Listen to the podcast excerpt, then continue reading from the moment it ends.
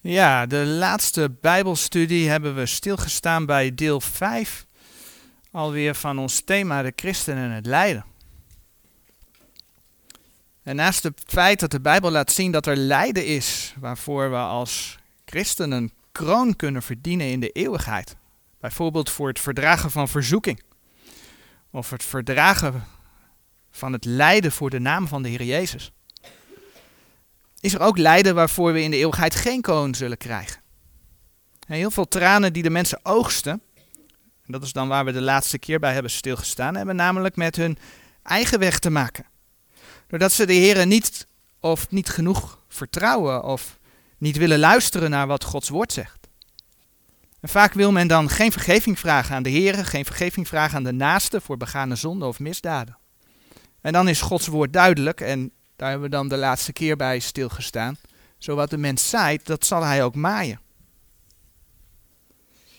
We hebben stilgestaan bij verschillende voorbeelden. Geweld, dronkenschap, roddel en laster die als werken van het vlees worden aangegeven in Gods woord. Ook heb ik roken genoemd, wordt niet zozeer genoemd, maar ons lichaam is wel een tempel van de Heilige Geest en je schaadt je lichaam ermee. Uh, dus die valt daar eigenlijk ook onder. En op de een of andere manier, als je je aan de werken van het vlees overgeeft, dan zul je tranen maaien. Maar daar ook geen beloning voor krijgen in de eeuwigheid. Je zult eerder schade lijden, zegt Gods woord. Nou, bij roddel en oorblazen zagen we dat de Bijbel heel duidelijk stelt dat het ook vaak in dit leven bij jezelf terugkomt. Zo hebben we ook stilgestaan bij Jacob, die ondanks dat hij een opdracht van God had, de Heere God niet echt vertrouwde. We zagen dat de Heere God de uitkomst voor Jacob al lang wist. al zijn zorgen hadden niets bijgedragen aan die uitkomst. Wanneer Jacob meer gebeden had, wanneer Jacob meer op God vertrouwd had, dat de Heere zijn opdracht aan hem niet zomaar had gegeven, dan had hij zich een stuk minder zorgen kunnen maken. Nou, in al die zaken geldt dat we mogen beleiden naar God, naar elkaar. En als we ons proberen om te houden aan zijn woord, dus naar de geest proberen te wandelen in plaats van naar het vlees.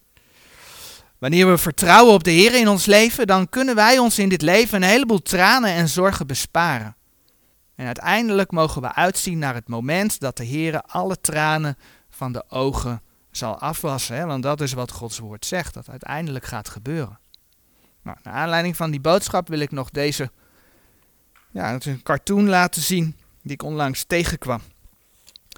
En die zegt eigenlijk, waarom niet reizen over de weg, over de hoofdweg?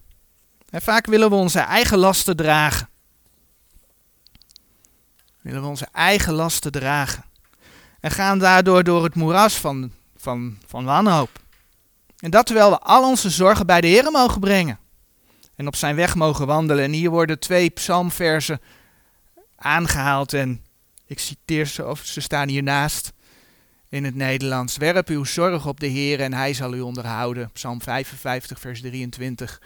Of Psalm 62, vers 9. Vertrouwt op hem te alle tijden, o gij volk. Stort uw lieden hart uit voor zijn aangezicht. God is ons een toevlucht. We hebben het vanmorgen ook gezongen. We mogen bij de Heere schuilen. Vandaag willen we bij een andere vorm van lijden stilstaan. Waar we allemaal op de een of andere manier mee te maken krijgen. Zo niet zelf, dan maken we het wel in onze naaste omgeving mee. We willen stilstaan bij ziekte. En ja, ziekte kan een test zijn van de Heer. Om te zien hoe wij ermee omgaan. Ten opzichte van Hem. Ziekte kan een verzoeking zijn om ons te proberen te verleiden tot zonde. Denk aan wat de Satan tegen, tegen uh, God zei over Job.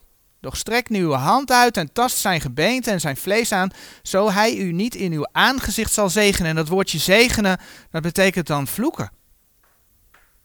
En in dat geval zou je zeggen, nou we hebben het over, over, de, over de test gehad, we hebben het over verzoeking gehad, verleiding gehad en hebben we het ook over ziekte gehad.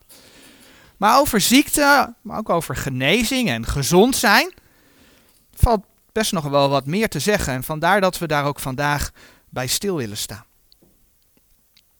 Allereerst is het gewoon goed om te zien dat ziekte gewoon kan voorkomen. Ook in deze gemeentetijd toen we bij het thema velelei verzoekingen stilstonden, zagen we reeds dat Paulus een doorn in het vlees had. En laten we dat gedeelte, dat staat in 2 Korinthe 12, samen nog een keer lezen. 2 Korinthe 12 vanaf vers 7.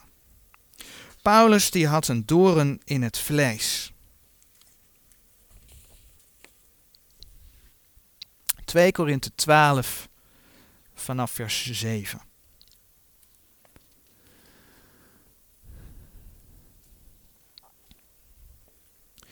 En opdat ik mij door de uitnemendheid der openbaringen niet zou verheffen, zo is mij gegeven een scherpe doren in het vlees, namelijk een engel des Satans, dat hij mij met vuisten slaan zou, opdat ik mij niet zou verheffen. Hierover heb ik de Heere driemaal gebeden, opdat hij van mij zou wijken. En hij heeft tot mij gezegd, mijn genade is u genoeg, want mijn kracht wordt in zwakheid volbracht. Zo zal ik dan veel liever roemen in mijn zwakheden, opdat de kracht van Christus in mij wonen. Daarom heb ik een welbehagen in zwakheden, in smaadheden, in noden, in vervolgingen, in benauwdheden, om Christus wil. Want als ik zwak ben, dan ben ik machtig. Paulus had een scherpe doren in het vlees. En in vers 9, daar hebben we gelezen, zo zal ik dan veel liever roemen in mijn zwakheden. In de Engelse King James Version staat daar het woordje infirmities, wat erop wijst dat de doorn in het vlees een ziekte geweest is.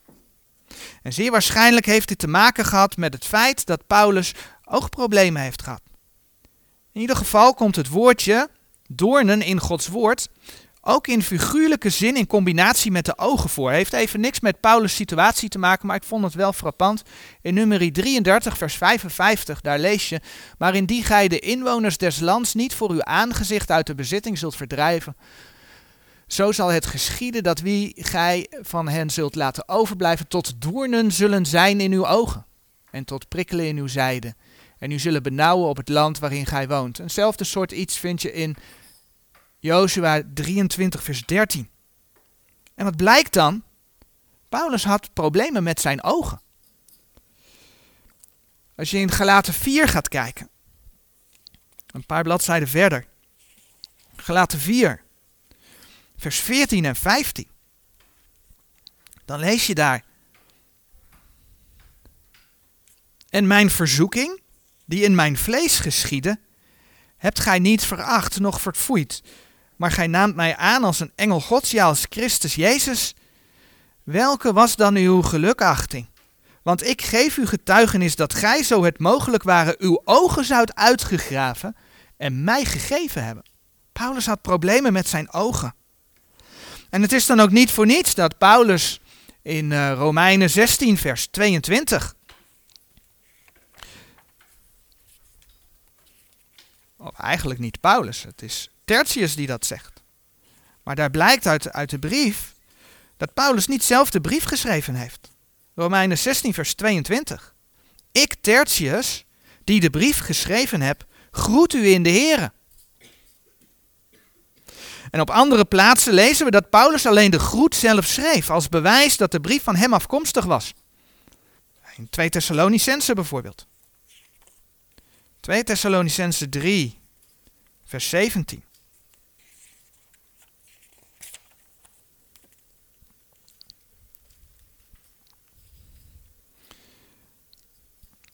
2 Thessalonicense 3, vers 17. Daar lezen we: De groetenis met mijn hand van Paulus, het welk is een teken in iedere zendbrief, alzo schrijf ik.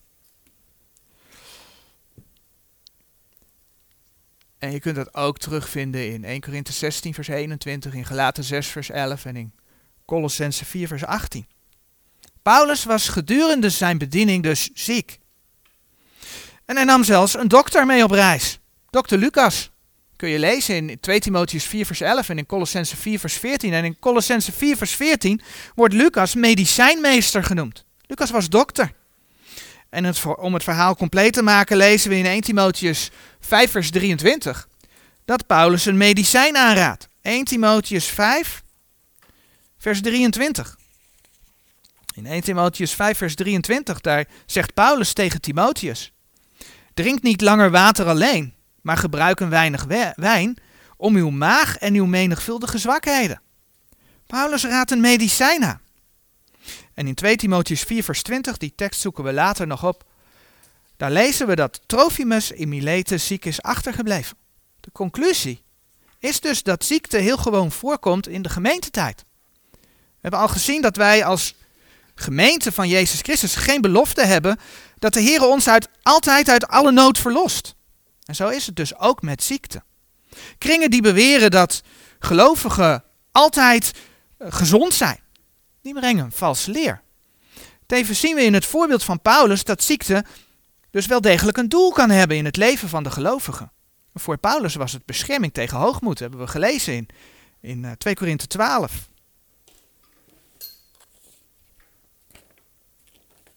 In de tijd van Paulus waren er dus al gelovigen ziek. En dat terwijl de Heer Jezus rondtrok op aarde en mensen genas. In Matthäus 8, vers 16, daar lezen we bijvoorbeeld, hè. En als het laat geworden was, hebben zij velen van de duivel bezeten tot hem gebracht en hij wierp de boze geesten uit met het woord en hij genas alle die kwalijk gesteld waren. En dat terwijl de Heer Jezus dus mensen genassen, dat terwijl de Heer Jezus zijn discipelen de opdracht gaf, en dat vinden we in Matthäus 10. zijn discipelen de opdracht gaf om mensen te genezen. Matthäus 10. Matthäus 10, vers, vers 7. En heengaande predikt zeggende, het koninkrijk der hemelen is nabijgekomen. Genees de kranken, reinig de melaatse, wek de doden op, werp de duivelen uit. Gij hebt het om niet ontvangen, geeft het om niet. Geneest de kranken, geneest de zieken. De Heer Jezus gaf het zijn discipelen als opdracht. En als je dit zo leest, zoals in ja, vele kringen gebeurt, dan zou je denken, wij moeten erop uit om mensen te genezen. En toch is dat niet de opdracht die we als gemeente van Jezus Christus, als zijn lichaam hebben. Wij kunnen dat gewoonweg niet. De Heer Jezus genas de mensen, en dan noem ik er even wat bij. Gewoon iedereen die hij wilde, die hij tegenkwam, genas hij. Er was geen, geen, geen, geen traject van gezond worden aan verbonden. Het was ook niet dat het ene oog wel genas en het andere oog niet. Noem maar even wat. De Heer Jezus genas. En waarom genas hij?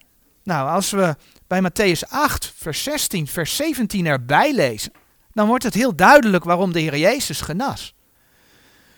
Matthäus 8, vers 16 en 17, als je die met elkaar leest, dan krijg je dus, en als het laat geworden was, hebben zij vele van de duivel bezeten tot hem gebracht. En hij wierp de boze geesten uit met het woord, en hij genas alle die kwalijk gesteld waren. Opdat vervuld zou worden wat gesproken was door Jezaja de profeet, zeggende, Hij heeft onze krankheden op zich genomen en onze ziekte gedragen. Dat gaat helemaal niet over het kruis. Op het moment dat Jezus daar rondliep en genas, was vervuld wat in Jezaja geschreven staat. Waarom was dat? Zodat Israël kon zien wie de Messias was. Zoals de Heer Jezus in Johannes 5, vers 36 zegt. Maar ik heb een getuigenis meerder dan die van Johannes. Want de werken die mij de Vader gegeven heeft om die te volbrengen, dezelfde werken die ik doe, getuigen van mij, dat mij de Vader gezonden heeft. Wat Jezus op aarde deed, dat was een getuigenis van wie hij was. En daar kun je ook andere teksten, Johannes 15, vers 24, Johannes 20, vers 30 en 31, op nazoeken. De Heer Jezus deed de wonderen niet als voorbeeld zodat iedereen ze zou navolgen, maar hij deed ze omdat daarmee Gods woord in vervulling ging. En omdat daaruit bleek dat hij de beloofde Messias was. Maar ja, de Heer Jezus gaf zijn discipelen toch de opdracht om erop uit te gaan en om zieken te genezen. Ook hier geldt weer dat die opdracht heel specifiek voor de discipelen was. We hebben net Matthäus 10, vers 7 eh, en 8 gelezen waar de Heer Jezus die opdracht gaf. Maar in Matthäus 10, vers 1, nog voor die opdracht, is het volgende te lezen. Matthäus 10, vers 1.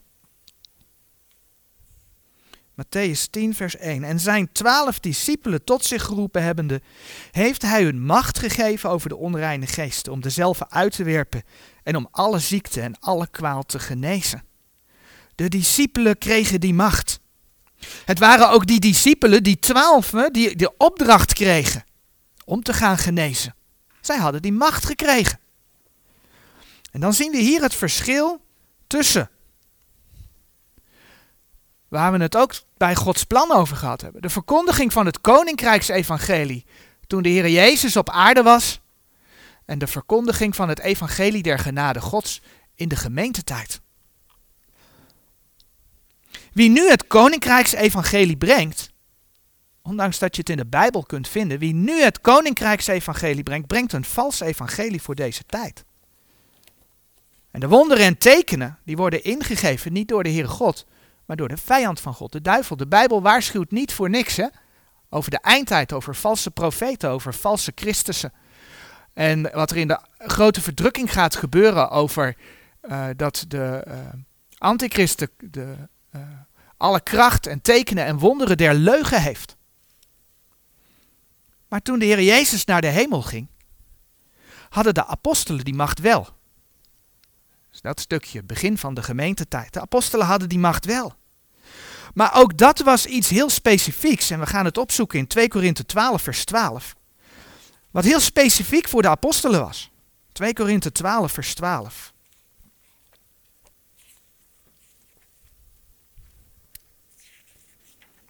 En in 2 Korinthe 12, vers 12, daar lezen we.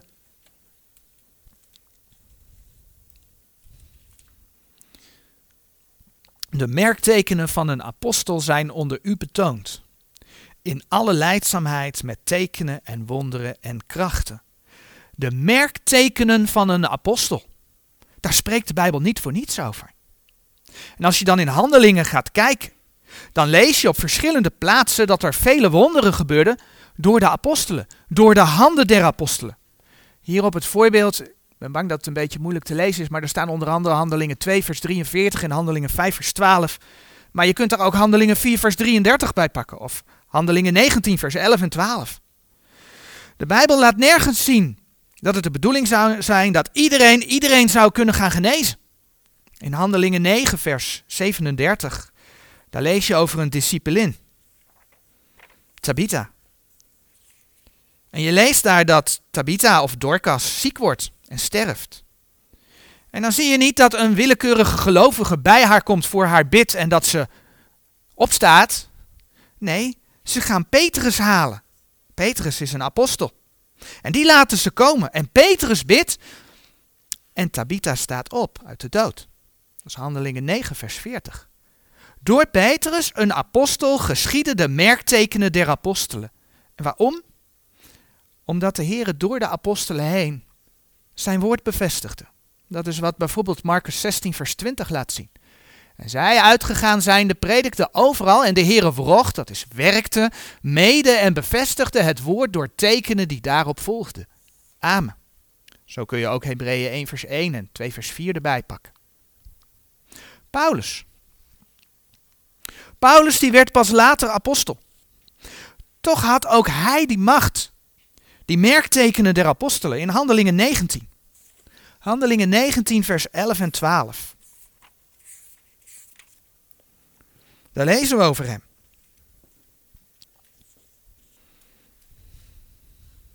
Handelingen 19, vers 11 en 12. En God deed ongewone krachten door de handen van Paulus. Alzo dat ook van zijn lijf op de kranken, hè, op de zieken, gedragen werden de zweetdoeken of gordeldoeken. En dat de ziekten van hen weken en de boze geesten van hen uitvoeren. Maar ondanks dat lezen we dus dat Paulus zelf niet beter werd. Maar ook dat hij op een gegeven moment, hè, hebben we vanmorgen al gelezen, 1 Timotheus 5 vers 23, een medicijn aanraadt aan Timotheus.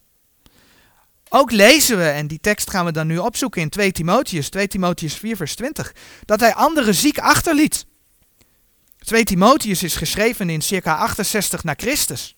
Dat is na handelingen. Handelingen duurt tot ongeveer 63 na Christus. En dan zie je dat er in 2 Timotheus 4 vers 20 het volgende geschreven staat. 2 Timotheus 4 vers 20.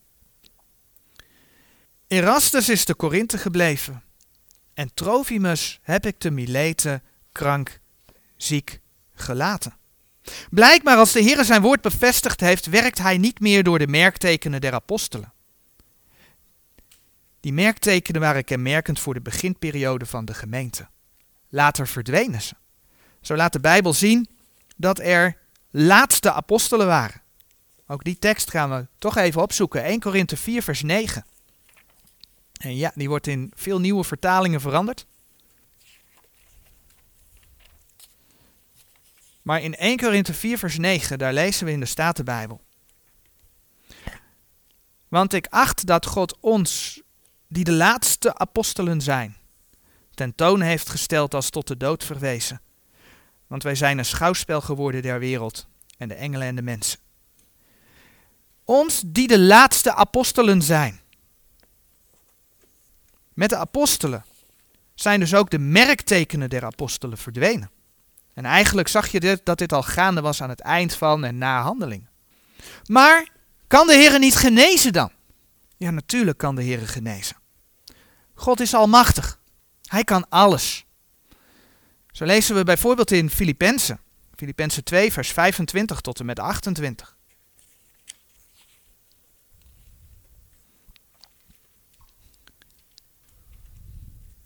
Filippenzen 2, vers 25.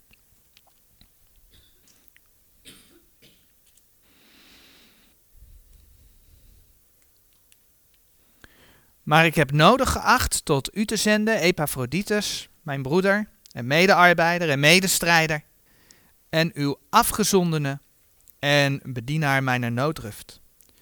Terwijl hij zeer begeerig was naar u allen en zeer beangst was, omdat gij gehoord had dat hij krank was. En hij is ook krank geweest tot nabij de dood.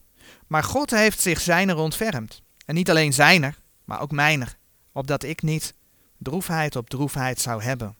Zo heb ik dan hem te spoediger gezonden, opdat gij hem ziende, wederom u zoudt verblijden, en ik te min zou droevig zijn. Zo kan de Heere God ook vandaag genezen. Ook daar mogen wij voor bidden. Wij mogen tenslotte al onze begeerten en dus ook al onze noden bij hem bekendmaken. Filippenzen 4 vers 6.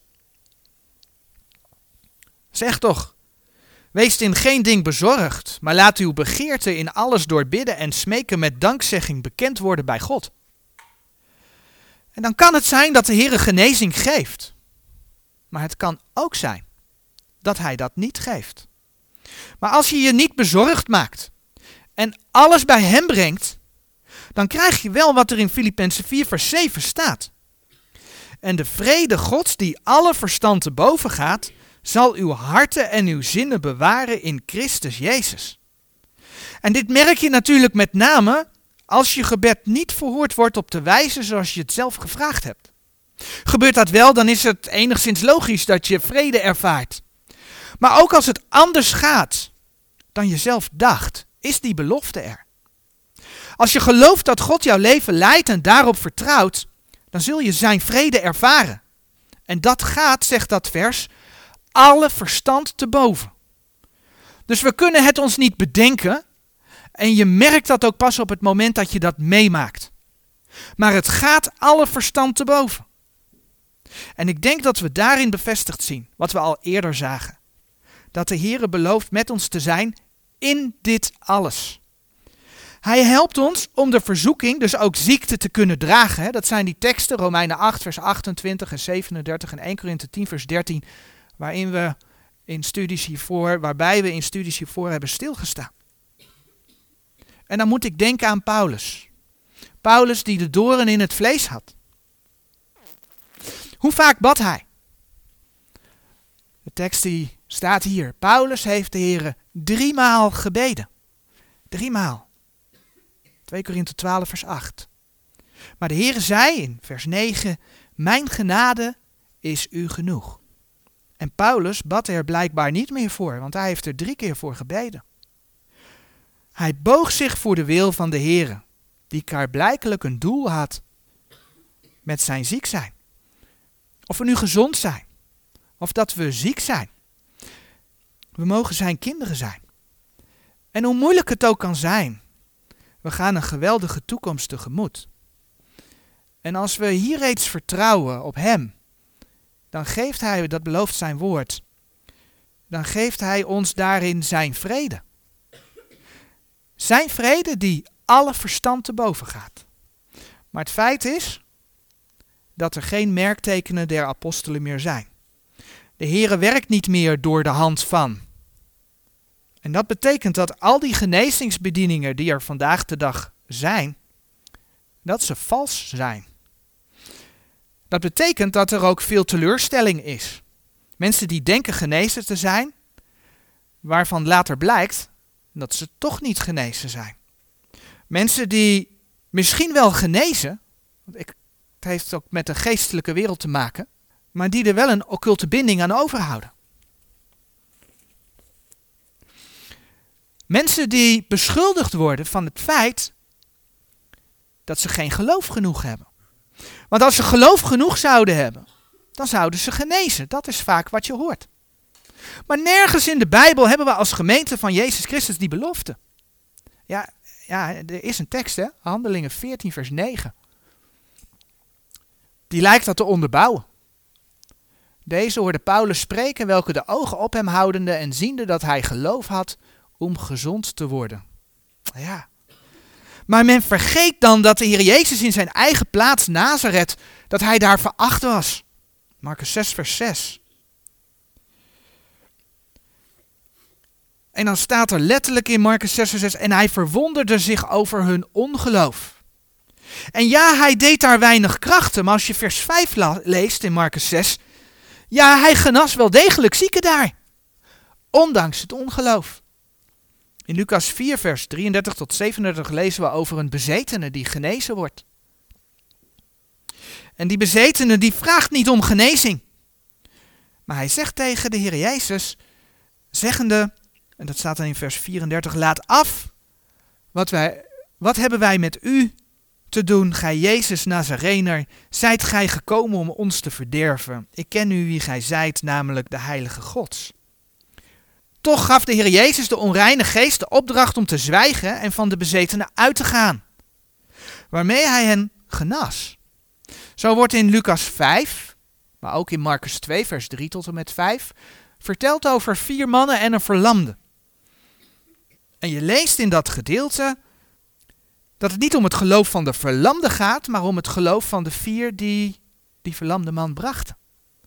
Toen de Heer Jezus het dochtertje van Jairus wilde opwekken, werd hij zelfs uitgelachen. Lucas 8, vers 53, daar staat, en zij belachten hem, wetende dat zij gestorven was. Ze lachten hem uit. Hoezo geloof? En toch wekte hij haar op.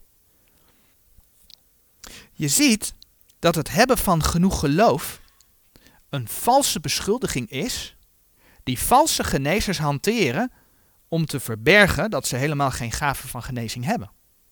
Dat is het. En mensen voorhouden als ze niet genezen zijn, dat ze geen geloof genoeg hebben, is dus onbijbels. Is uit de boze. Het is hard.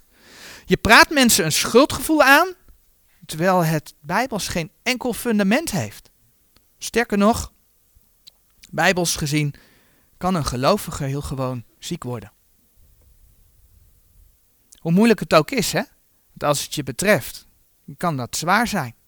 Maar het is wel een feit. En dan is het de bedoeling dat je er voor elkaar bent. Dat je elkaar draagt in het gebed. Zoals bijvoorbeeld 1 Korinthe 12, vers 26 zegt. En het zij dat één lid lijdt, zo lijden al de leden mede. Het zij dat één lid verheerlijkt wordt, zo verblijden zich al de leden mede. Of Romeinen 12, vers 15. Verblijdt u met de blijden en weent met de wenende. Of Galaten 6, vers 2. Draagt elkanders lasten en vervult alzo de wet van Christus. In plaats van het zeggen, je zult wel geen geloof genoeg hebben, vraagt de Heer ons om er voor elkaar te zijn. Om elkaars nood aan te voelen, om voor elkaar te bidden. En tenslotte lezen we in 1 Thessalonicense 5 vers 14.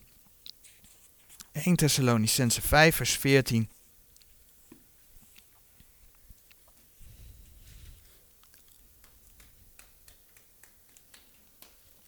1 Thessalonicense 5 vers 14. En wij bidden u, broeders, vermaand de ongeregelde. Vertroost de kleinmoedige. Ondersteunt de zwakke. Zijt langmoedig jegens allen. Een bekende tekst die ook vaak geciteerd wordt, is Jacobus 5, vers 14 en 15. Jacobus 5. En in Jacobus 5, vers 14 en 15, daar lezen we dan.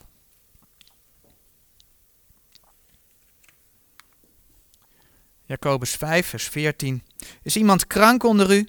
Dat hij tot zich roepen de ouderlingen der gemeente en dat zij over hem bidden, hem zalvende met olie in de naam des Heren. En het gebed des geloofs zal de zieke behouden. En de Heere zal hem oprichten. En zo hij zonde gedaan zal hebben, het zal hem vergeven worden. Hieruit blijkt dat de genezing afhankelijk is van de bidder, de geroepen ouderling. We hebben hier te maken met de apostolische gave van genezing, bekend van het Koninkrijksevangelie.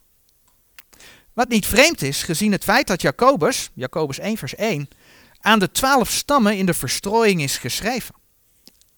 Zoals we ooit ook bij stilgestaan hebben, aan de Joden in de grote verdrukking.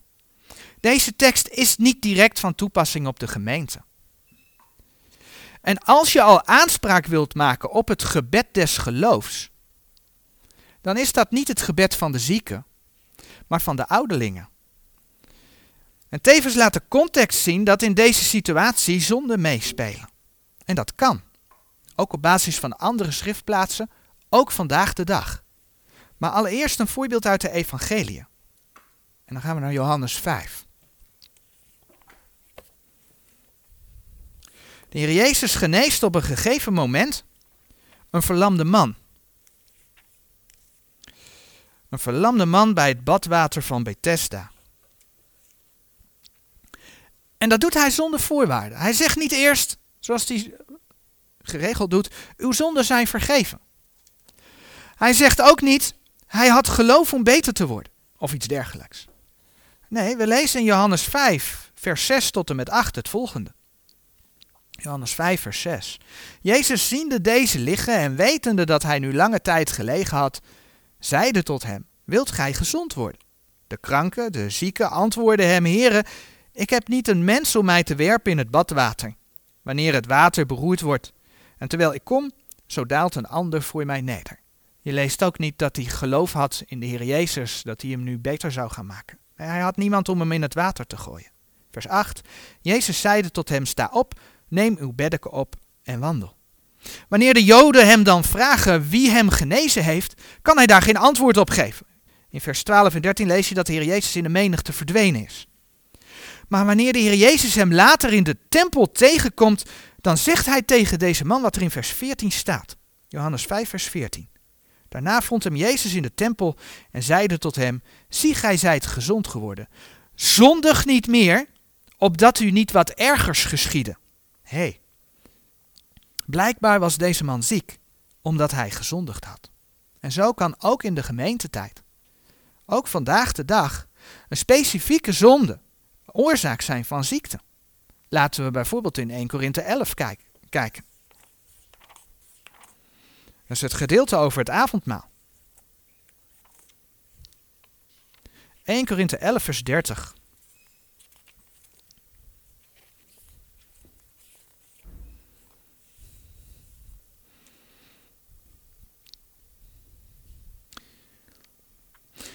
En dat gedeelte vanaf vers 30 gaat dan over degene die onwaardiglijk eet en drinkt van de maaltijd des Heren. En dan staat daarover geschreven in vers 30, daarom zijn onder u vele zwakken en kranken en vele slapen, want indien wij onszelf veroordeelden, zo zouden wij niet geoordeeld worden. Maar als wij geoordeeld worden, zo worden wij van de Heere getuchtigd, opdat wij met de wereld niet zouden geoordeeld, veroordeeld worden.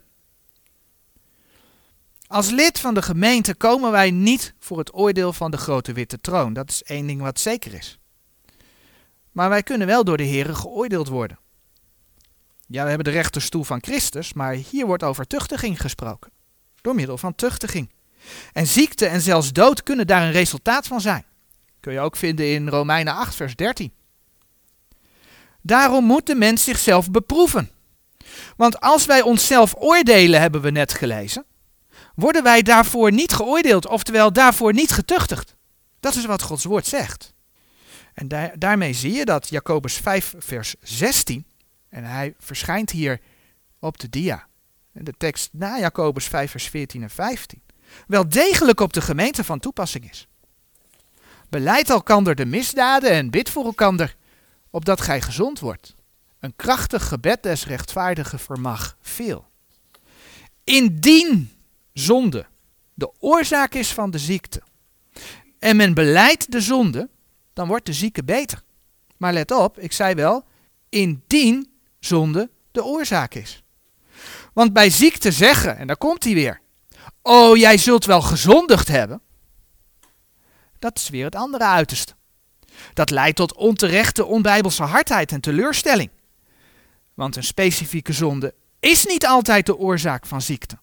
Bij Paulus zagen we dat de Heer hem wilde beschermen tegen hoogmoed. Maar ook in Johannes 9 vinden we daar een mooi voorbeeld van. In Johannes 9 lezen we dat de Heer Jezus een blinde geneest.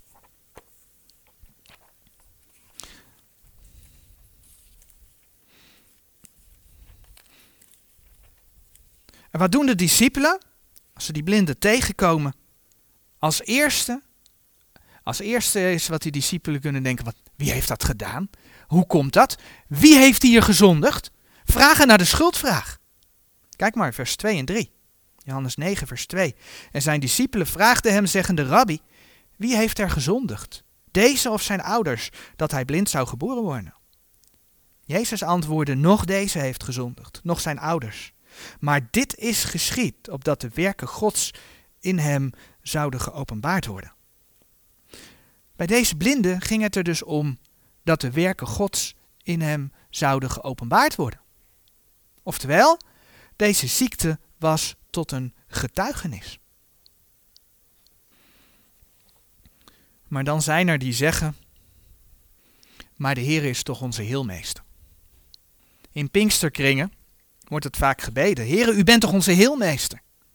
Maar waar staat het in Gods woord dat de Heere onze heelmeester is? Of zou zijn? Dat staat in Exodus 15, vers 26. In Exodus 15, vers 26 staat inderdaad letterlijk, want ik ben de Heere, uw heelmeester. Maar dat is ongeveer 1 achtste van het vers. Het hele vers luidt, en dan komt hij.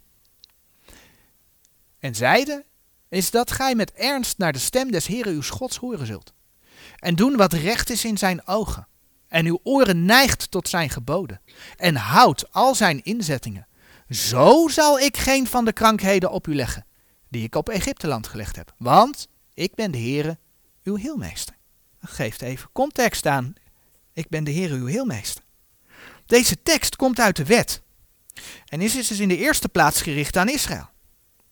En wat zien we in dit vers? We zien in dit vers terugkomen de zegen en de vloek die de Heere voorhield aan het volk Israël de zegen die de Heer hen voorhield als ze zich zouden houden aan de wet. De vloek die de Heer hen voorhield voor als ze zich niet zouden houden aan de wet. Allemaal terug te vinden in Deuteronomium 7 vers 15 als voorbeeld en Deuteronomium 28 vers 60. Genezing was aan Israël als teken gegeven op basis van werken wanneer zij zich aan de wet zouden houden. Als gemeente van Jezus Christus kunnen we dit niet als belofte claimen, dat de Heer ons gezond zal maken. Wij kunnen en mogen dus nooit stellen dat als iemand ziek is en na gebed ziek blijft, dat dat vanwege zonde zou zijn. Of dat deze persoon geen geloof genoeg zou hebben. Ook in dit geval mogen wij andere mensen niet veroordelen. Het kan heel goed zijn dat God zelf het lijden in het leven van deze persoon toestaat om iets te bereiken, een toegewijd leven. Of zoals in het leven van Paulus het voorkomen van hoogmoed. Of zoals in Johannes 9 bij de blinden, tot een getuigenis.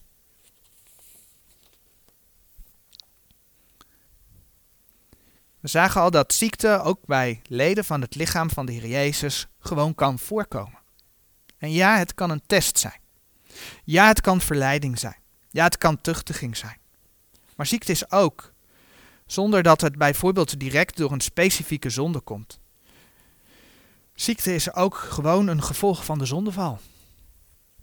Genesis 3, vers 17 tot en met 19, daar lezen we over het gevolg van de zondeval.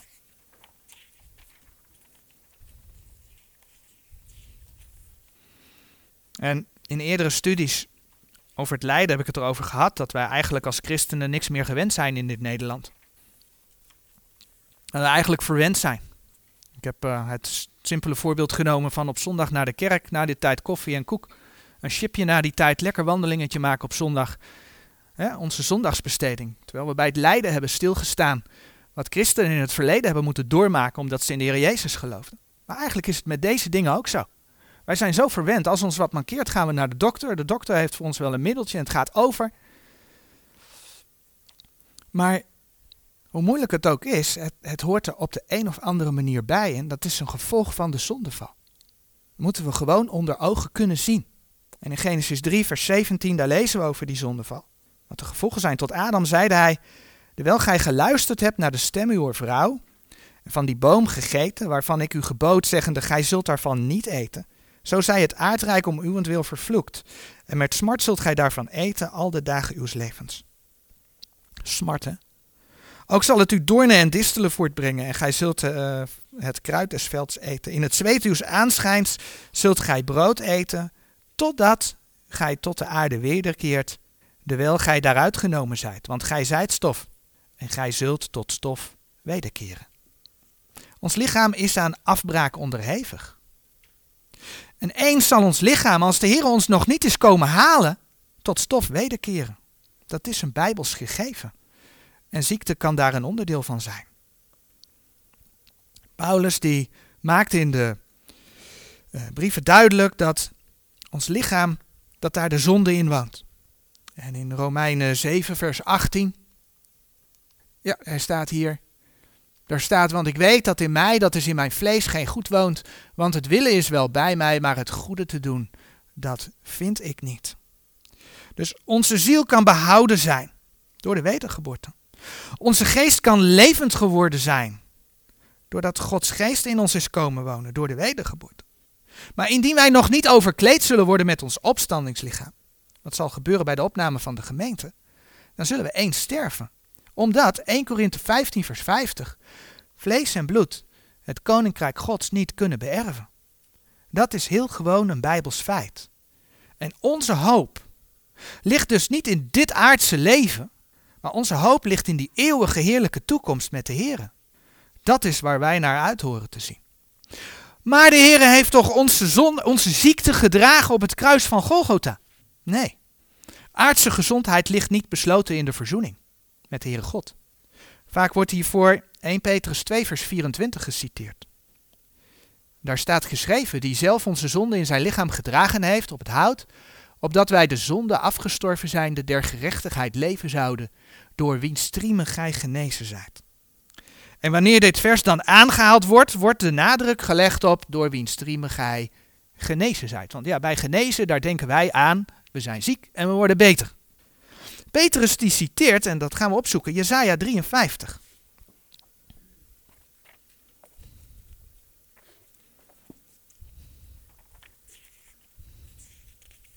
Jezaja 53. En hij citeert Jezaja 53 vers 5. Echter Jezaja 53 vers 4 en daar staat, waarlijk hij heeft onze krankheden op zich genomen en onze smarten die heeft hij gedragen, was al eerder in vervulling gegaan. Toen de Heer Jezus al die wonderen deed bij het volk Israël. de wonderen en teken zijn als teken gegeven voor het ongelovige Israël. En daarvan staat geschreven, die teksten hebben we gelezen, ik haal ze hier op de dia nog een keer bij. Matthäus 8, vers 16 en 17. En hij genas alle die kwalijk gesteld waren, opdat vervuld zou worden wat gesproken was door Jezaja de profeet, zeggende, hij heeft onze krankheden op zich genomen en onze ziekte gedragen. Dat is Jezaja 53, vers 4.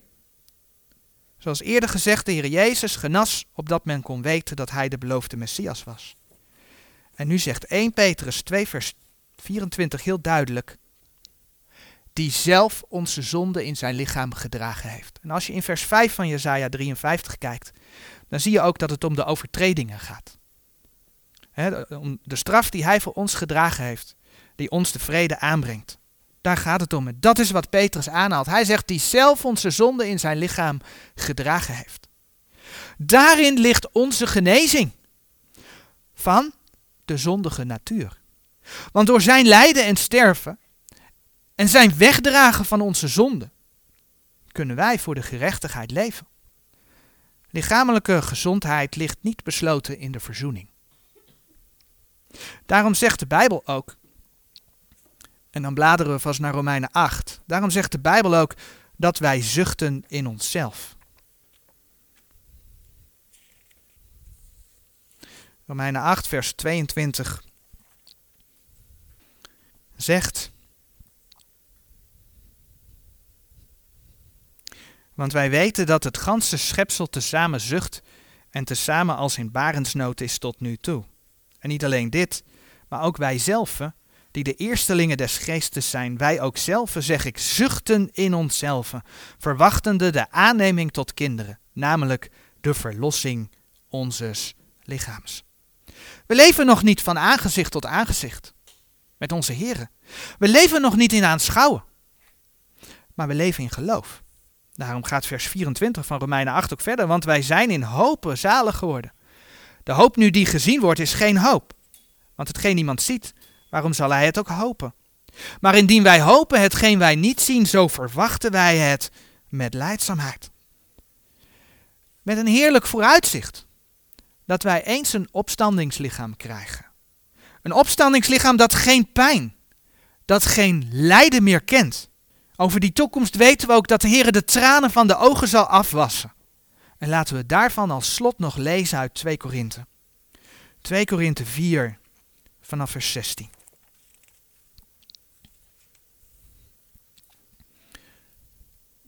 Twee Korinthe 4 vanaf vers 16. Daarom vertragen wij niet, hoewel onze uitwendige mens verdorven wordt, zo wordt nochtans de inwendige vernieuwd van dag tot dag.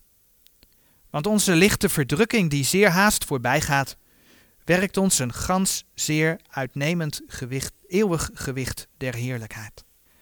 Terwijl wij niet aanmerken de dingen die men ziet, maar de dingen die men niet ziet. Want de dingen die men ziet zijn tijdelijk, maar de dingen die men niet ziet zijn eeuwig. Want wij weten dat, zo ons aardse huis, deze tabernakels, hè, zo, zo ons lichaam, gebroken wordt. Wij een gebouw van God hebben, een huis niet met handen gemaakt, maar eeuwig in de hemelen. Want ook in deze zuchten wij, verlangende met onze woonsteden, die uit de hemel is, overkleed te worden, zo wij ook bekleed en niet naakt zullen gevonden worden. Want ook wij die in deze tabernakel zijn, zuchten, bezwaard zijnde, maal wij niet willen ontkleed, maar overkleed worden, opdat het sterfelijke van het leven verslonden worden. Die ons nu tot ditzelfde bereid heeft, is God, die ons ook het onderpand des geestes gegeven heeft. Wij hebben dan altijd goede moed en weten dat wij inwonende in het lichaam uitwonen van de Here. Want wij wandelen door geloof en niet door aanschouwen. Maar we hebben goede moed en hebben meer behagen om uit het lichaam uit te wonen en bij de Here in te wonen. Daarom zijn wij ook zeer begeerig, het zij inwonende, het zij uitwonende, om Hem welbehagelijk te zijn. Tot zover voor uh, vandaag.